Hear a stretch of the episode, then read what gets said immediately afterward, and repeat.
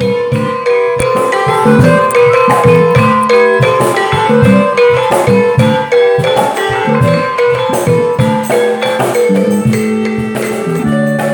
Halo semuanya, kembali lagi di Widi Sini Podcast. Jadi di Widi Sini Podcast itu aku akan membahas tentang seni dan budaya Jawa. Dan pada hari ini aku ditemani oleh uh, salah satu peserta uh, belajar aksara Jawa di daerah Kraton Ngayogyakarta. Nah, um, teman kali ini juga merupakan uh, sudah pernah mengisi sebelumnya, yaitu Bapak Hartono. Coba kita dengarkan perkenalannya lagi. Ya, matur nuwun terima kasih. Saya Pak Hartono, siswa belajar aksara Jawa dan tembang Jawa di Kraton Yogyakarta. Terima kasih. Ya, pada episode kali ini uh, nanti Bapak Hartono dan aku akan um, bercerita tentang unen-unen. Nah, nanti yang belum tahu apa itu unen-unen, Bapak Hartono akan menceritakan dari dasarnya dulu. Nggih, Pak? Ya, nggih. Monggo, Pak. Unen-unen atau paribasan bahasa Jawa, saya mulai dari unen-unen yang pertama atau paribasan yang nomor satu yang saya perkenalkan adalah neng dunyo iki manungso ming mampir ngombe. Dalam arti bahwa di dunia ini manusia itu sebenarnya hanya singgah untuk minum saja. Jadi sebenarnya filosofinya hidup ini hanyalah sesaat saja. Jadi bukan segala-galanya. Kita tidak eternity, tidak forever, tapi hanya singgah untuk mampir ngombe. Nah, di sini Maksudnya mengingatkan pada manusia bahwa duniawi material itu uh, hanyalah sementara saja sifatnya, tidak kekal abadi. Itu salah satu contoh untuk menjelaskan apakah itu unen-unen. Jadi unen-unen itu juga bisa dikatakan sebagai uh, nasihat ya Pak, ya. pesan. Dan mungkin biasanya pada zaman dulu itu um, nasihat itu disampaikan melalui lisan dari orang tua ke anaknya dan kemudian disebarluaskan ke masyarakat sehingga masyarakat pun tahu untuk pesan-pesan untuk menjalani kehidupan itu seperti apa dan biasa itu uh, dapat ditemukan di mana nggih Pak itu unen-unen tersebut? Unen-unen ini biasa didapat secara lisan turun-temurun dari nenek moyang kita dulu sampai sekarang tentang filosofi hidup. Kemudian saya lanjutkan unen-unen yang kedua atau uh, paribasan yang kedua yaitu mulih mulo mulanyo. Mulih artinya pulang, mulo berarti permulaan, asal usulnya, dari mulanya atau asalnya. Jadi setelah kita mampir ngombe, setelah ngombe kita terus ke mana? Terus mulih atau terus pulang. Pulang ke mana? Ke asal mulanya. Jadi setelah mampir ngombe, kita akan mulih mulo mulanyo. Tidak mungkin kita bepergian terus menerus, pasti akan pulang. Pulangnya ke mana? Ke asal mula manusia, asal usuling dumadi. Terima kasih. Oh kalau itu berarti uh, hampir sama dengan sangkan paraning dumadi, ya Pak? Ya, jadi sama dengan sangkan paraning dumadi artinya asal mula manusia itu dari mana. Nah, ada yang mengatakan bahwa manusia berasal dari tanah akhirnya kembali ke tanah. Nah, itu juga ada yang beranggapan demikian.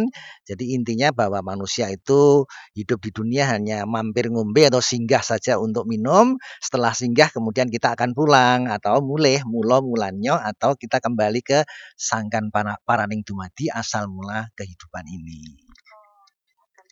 Uh, berarti untuk yang belum pernah menemukan unen-unen tersebut itu bisa ditemukan uh, dan dibaca lewat sastra gitu juga ada nggak Pak? Atau di uh, pertunjukan wayang gitu apakah pernah atau sering bahkan menyebutkan unen-unen tersebut?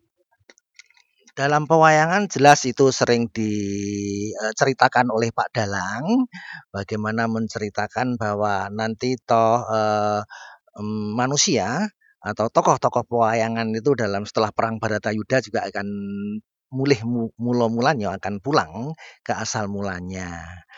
Nah, kemudian bisa saya lanjutkan yang ke unen-unen yang ketiga ya. Yaitu satu lagi yang namanya mingkar mingkuring ukoro. Ukoro itu anu huruf ya. Jadi bisa mingkar mingkur bisa berganti-ganti. Artinya hidup manusia itu tidaklah selalu konstan, tidaklah selalu tetap. Bisa hari ini sehat, besok sakit. Ya. Hari ini bahagia, besok bisa jadi susah. Jadi ada istilah mingkar mingkur ing ukoro. Jadi ukoro aksara itu bisa mingkar mingkur. Atau satu lagi unen-unen yang berkaitan sama dengan mingkar mingkuring ukoro yaitu cokro manggilingan. Artinya cokro manggilingan seperti roda. Roda itu manggilingan berputar. Kadang kita di atas, kadang kita di bawah. Jadi hiduplah itu tidaklah selalu kita menemukan kesempurnaan, kebahagiaan. Kadang-kadang kita ada di bawah, kadang-kadang kita ada di atas, kadang-kadang kita uh, apa ada happy tapi kadang-kadang ada juga sorrow. Ya, makasih. Nah, itu, uh, mungkin unen-unen itu juga bisa menjadi simbol atau lambang, uh, yang dapat memudahkan manusia tuh memahami bagaimana mereka dapat menjalani hidup dengan baik, dengan legowo ya Pak. Jadi seperti yang tadi Bapak katakan, cokro manggilingan tuh tidak hidup tidak selalu di atas, kan selalu di bawah, tapi pun kalau di bawah pun jangan terus pesimistis, tapi karena seiring berjalannya waktu pun akan menjadi, uh, di atas, kemudian itu pun akan bergerak terus maju. Nah, um, untuk selanjutnya itu Bapak punya unen-unen yang bisa diceritakan kepada kita? Satu lagi unen-unen yang akan saya perkenalkan ialah ada yaitu berbunyi tri prakoro kang manungso ora wenang angawruhi. Tri itu tiga, seperti bahasa Inggris ini ya, tri tiga ya. Ada tiga masalah manusia yang tidak diberi kewenangan untuk mengetahui yaitu satu. Nah, siji ya siji tumekaning judu. Loro tumekaning rezeki telu tumekaning pati. Jadi dat satu datangnya jodoh dua datangnya rezeki tiga datangnya kematian. Kita itu tidak diwenangkan untuk mengetahui itu.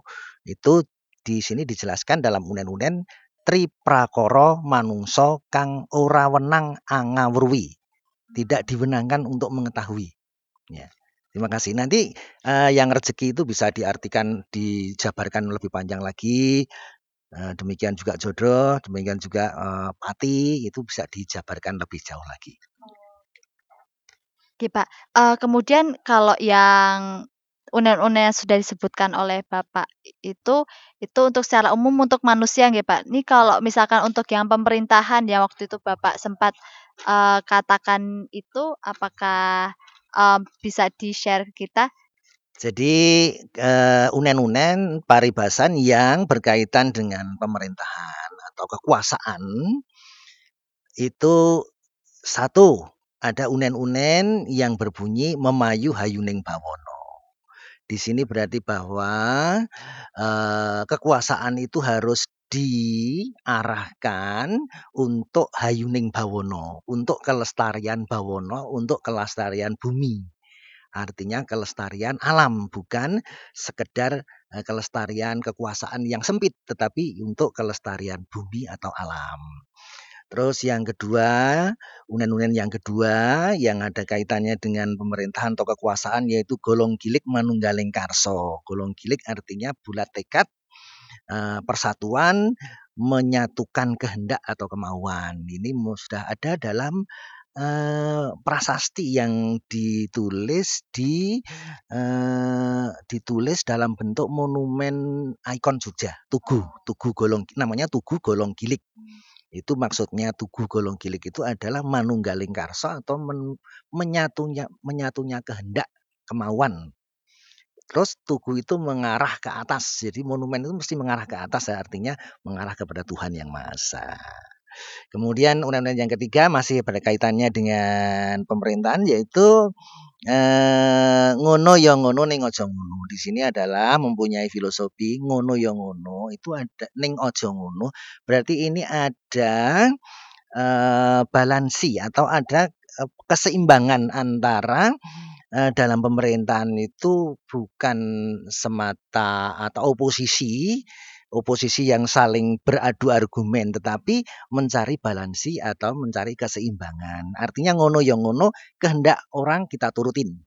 Ning ojo ngono kehendak kita dituruti. Nah, berarti di sini ada transaksi jual beli atau ada apa namanya itu eh anu ya perkeseimbangan antara hak dan kewajiban. Nah, ini untuk menjaga pemer, eh, kekuasaan zaman dulu itu sudah memperhatikan adanya keseimbangan.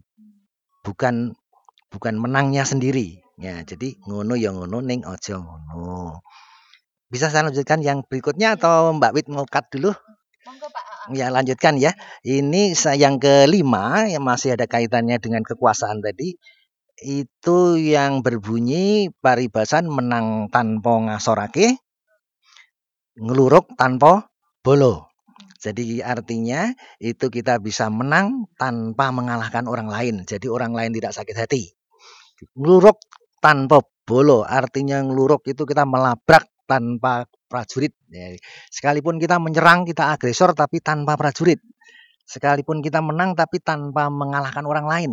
Jadi di sini berarti bahwa ekspansi itu dilakukan dengan tidak menyakiti orang lain. Berarti ini cocok dengan falsafah yang kedua tadi, ngono yo ngono ning ojo ngono. Artinya kita bisa menang tanpa ngasorake, tanpa mengalahkan. Kita bisa ngeluruk, kita bisa menyerbu, kita bisa menyerang, tapi kita tidak membawa prajurit. Nah, ini berarti ada keseimbangan dalam pemerintahan atau kekuasaan. Terima kasih. Nah, itu sangat um, baik sekali untuk para pemimpin yang posisinya itu kalau misalkan sadar kalau pemimpin itu harus memberikan contoh dan agar perannya itu dapat sesuai dengan amanah dari tugas sebagai pemimpin itu tidak semata-mata kalau posisi sebagai pemerintah yang uh, di atas kemudian harus bisa menang sendiri padahal tanpa um, orang-orang di sekitarnya tanpa keseimbangan itu pun juga pemerintah itu juga sulit untuk berjalan dengan baik ya. Nah, kemudian Bapak um, ada lagi yang ingin diceritakan lagi kepada kita? Jadi kekuasaan masih tentang kekuasaan ya. Di si penguasa itu ada kaitannya dengan uh, paribasan ini.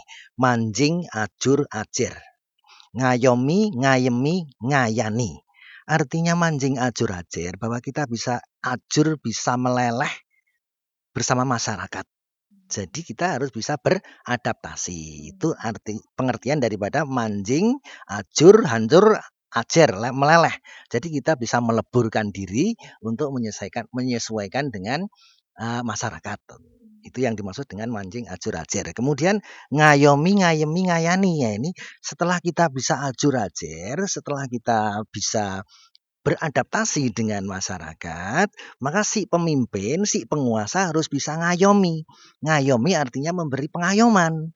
Kemudian bukan hanya ngayomi, tapi juga ngayemi, artinya bikin masyarakat menjadi ayem, ayem tentrem, tenang, tentram, tapi juga ngayani. Ngayani membuat masyarakat menjadi kaya. Kaya bukan hanya berarti dalam arti uh, secara fisik, tapi juga dalam arti mental, uh, spiritual itu bisa memperkaya. Jadi itulah hakikat daripada si penguasa harus bisa satu manjing ajur ajar, kedua ngayomi, ngayemi, ngayani. Ya, dan itu pun juga tadi seperti yang dikatakan di awal um, unen-unen itu dapat kita temukan di cerita-cerita wayang karena biasa cerita wayang itu tentang um, kepemimpinan ya Pak. Bisa juga uh, di dalam um, lakon cerita wayang itu diselipkan unen-unen yang sebenarnya itu memang menjelaskan kalau menjadi pemimpin itu harus dapat mancing harus dapat g mancing ajur ajar harus harus dapat juga mengayomi masyarakatnya, hmm. kemudian ngayemi juga dan dan ngayani itu. Nah, karena sebenarnya unen-unen itu juga uh, meliputi berbagai meliputi untuk berbagai aspek kehidupan mulai dari awal yang tadi cara menghadapi kehidupan yang disimbolkan dengan cokro manggilingan, kemudian untuk posisi pemerintahan di atas pun juga uh, ada nasihat yang ingin dibicarakan, ingin disampaikan. Nah, unen-unen ini juga sebenarnya berfungsi untuk uh, memudahkan orang dapat memahami pesan kehidupan karena itu tidak apa ya Pak, kalau unen-unen itu sudah mmm, dalam mmm, kata-kata tersebut sudah disampaikan semuanya seperti yang, eee, tadi Bapak Hartono sampaikan itu. Jadi sebagai apa ya, sastra yang menarik perhatian orang. Jadi orang itu ingin tahu itu maksudnya apa sih, bukan penjelasan yang, eee, bertele-tele atau menggurui gitu nggih Pak. Jadi itu bisa juga berfungsi sebagai itu. Nah, Bapak ada yang disampaikan lagi? Monggo. Satu lagi masih tentang kekuasaan ini. Ya, setelah kita tadi eh, berkenalan dengan penguasa yang harus bisa mancing ajur ajer, penguasa yang bisa ngayomi, ngayemi dan ngayani, ada lagi satu penguasa itu janganlah adigang, adigung, adiguno. Ini eh, sering kita temukan dalam eh, dunia pewayangan itu ya raja seorang penguasa itu harus menjauhi watak atau sifat adigang satu dua adigung tiga adiguno. Adigang ini bisa digambarkan seperti wataknya kijang yang mengandalkan kecepatan berlarinya. Adigung mengandalkan kecepatan gungnya kebesarannya. Kebesaran bisa berarti uh, kekuasaan juga bisa Ya lari cepat tadi bisa diartikan karena eh, lebih jauh lagi ya, bukan hanya lari dalam arti konkret. Kemudian Adiguna itu menggambarkan watak dari ular yang mempunyai bisa yang mematikan. Jadi eh, seorang penguasa janganlah eh, mengandalkan kekuasaannya yang yang berlebih. Jangan bersifat adigang, jangan bersifat adigung, jangan bersifat adiguno seperti yang diceritakan oleh Pak Dalang dalam pewayangan sehingga nanti bisa membentuk sebuah kerajaan yang eh, gemah ripah loh jinawi toto titi tentrem kartora harjo kalau diterjemahkan dalam bahasa Indonesia kira-kira ya masyarakat yang adil dan makmur. Nah, itu adalah unen-unen terakhir yang disampaikan oleh Bapak Hartono. Jadi, um, kalau didengar dengan baik-baik sebenarnya unen-unen itu juga uh, gampang diingat ya dengan adanya um, apa pengulangan kata yang tadi uh, adigung, adiguno, adigang, adigung, adiguno. Nah, seperti itu kan ada pengulangan kata yang akhirnya tuh kita jadi uh, mengingat kembali, oh kata itu bermakna seperti ini dan um, itu memang salah satu ciri khas orang Jawa ketika um, ada suatu penting yang disampaikan, itu biasanya tuh ada um, kata-kata itu, mirip-mirip nggih. Jadi itu lebih lebih, uh, gampang diingat, gampang didengar, seperti itu. Nah, matur nuwun sekali Bapak atas waktunya hari ini.